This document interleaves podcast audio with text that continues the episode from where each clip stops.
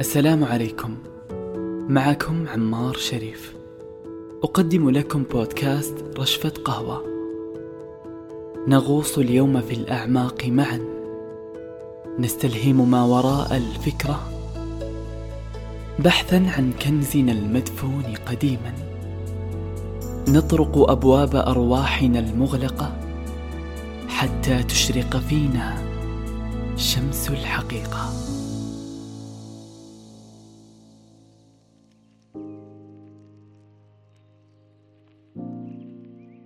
ومنذ اللحظة الأولى لم يكن لاتساع المساحات بيني وبين نفسي. ذلك المرآب الذي كان من الممكن. أن أعبر من خلاله إلى نافذة روحي العميقة. لم أكن لأعتاد وبيص النور في الأعماق. كان كل شيء مبهم. كالغارق في الظلمات. يرجو نجاة. ثقل الغموض. وإبهام الحقيقة. وضجيج الضمير. وتصارع الأفكار. بمخيلة اليافعة. كانت تستبيح فضاءات فطرة السوية. طريق البحث عن الحقيقة. لم يكن سالكا دائما. فقد اقتص من عمري عقود. وتجاوز أيامي ليقطف من ثمارها أجودها. لم تكن تلك الرحلة بالقصيرة ولا الطويلة. فما ليس له نهاية لا يحدد بطول أو قصر. صراعات التدافع حول مآتم النفس القاصرة. كانت تضيق كلما جار عليها الزمن رهبة الأبدية في أنفاق الظلمات. كانت تقتص مني كل ملامح البراءة التي فطرت عليها هربا من جرف السقوط في كل مرة. كان يعيد لي صخب التبحر فيما وراء كل هذا الضجيج الصاخب. أمقت الرهبانية ولا أحب الترهبن في محاريب.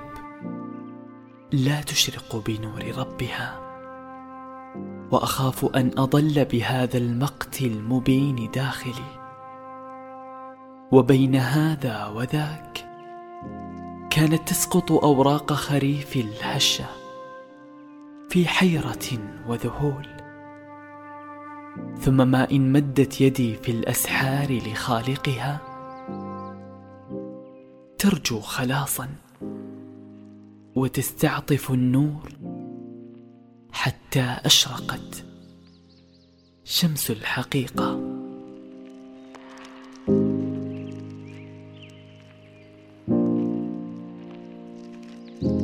فضج كل شيء بشعاع السلام حولي. فليس من حقيقة أعظم من أن ترى عمق ذاتك وتصاحب روحك تؤنسها وتغسل من كل طيش أضر بنفسك السقيمة وأخرجها من عفة النور إلى ظلمات الترهبن والتزاحم حول فلسفات الذات المطيعة المستعبدة. نحن لا نحتاج إلى ذلك الكم المريب من حقائق التربية والتهذيب وقواعد مسقلة. البحث عن حقيقة ما بداخلنا من نور. كل ما نحتاجه هو أن نمضي نحو ذلك العمق فينا. بعناية إلهية. نستجديها بكسب الرضا. لنجد ذواتنا المجروحة بفعل التعصب واجترار قوة النفس والمعتقد عليها. نحن من يجتر هذه الروح فينا بعصبة التمرد والكبرياء. غطرسة عليها. ثم لا نلبث حتى نذبل وينطفئ فينا كل جميل. كنت هنا أنا عمار. أحمل فيضا من قلوبكم وأحملكم بقلبي. انتهيت من كوب قهوتي وإلى لقاء آخر يجمعنا بخاطرة جديدة.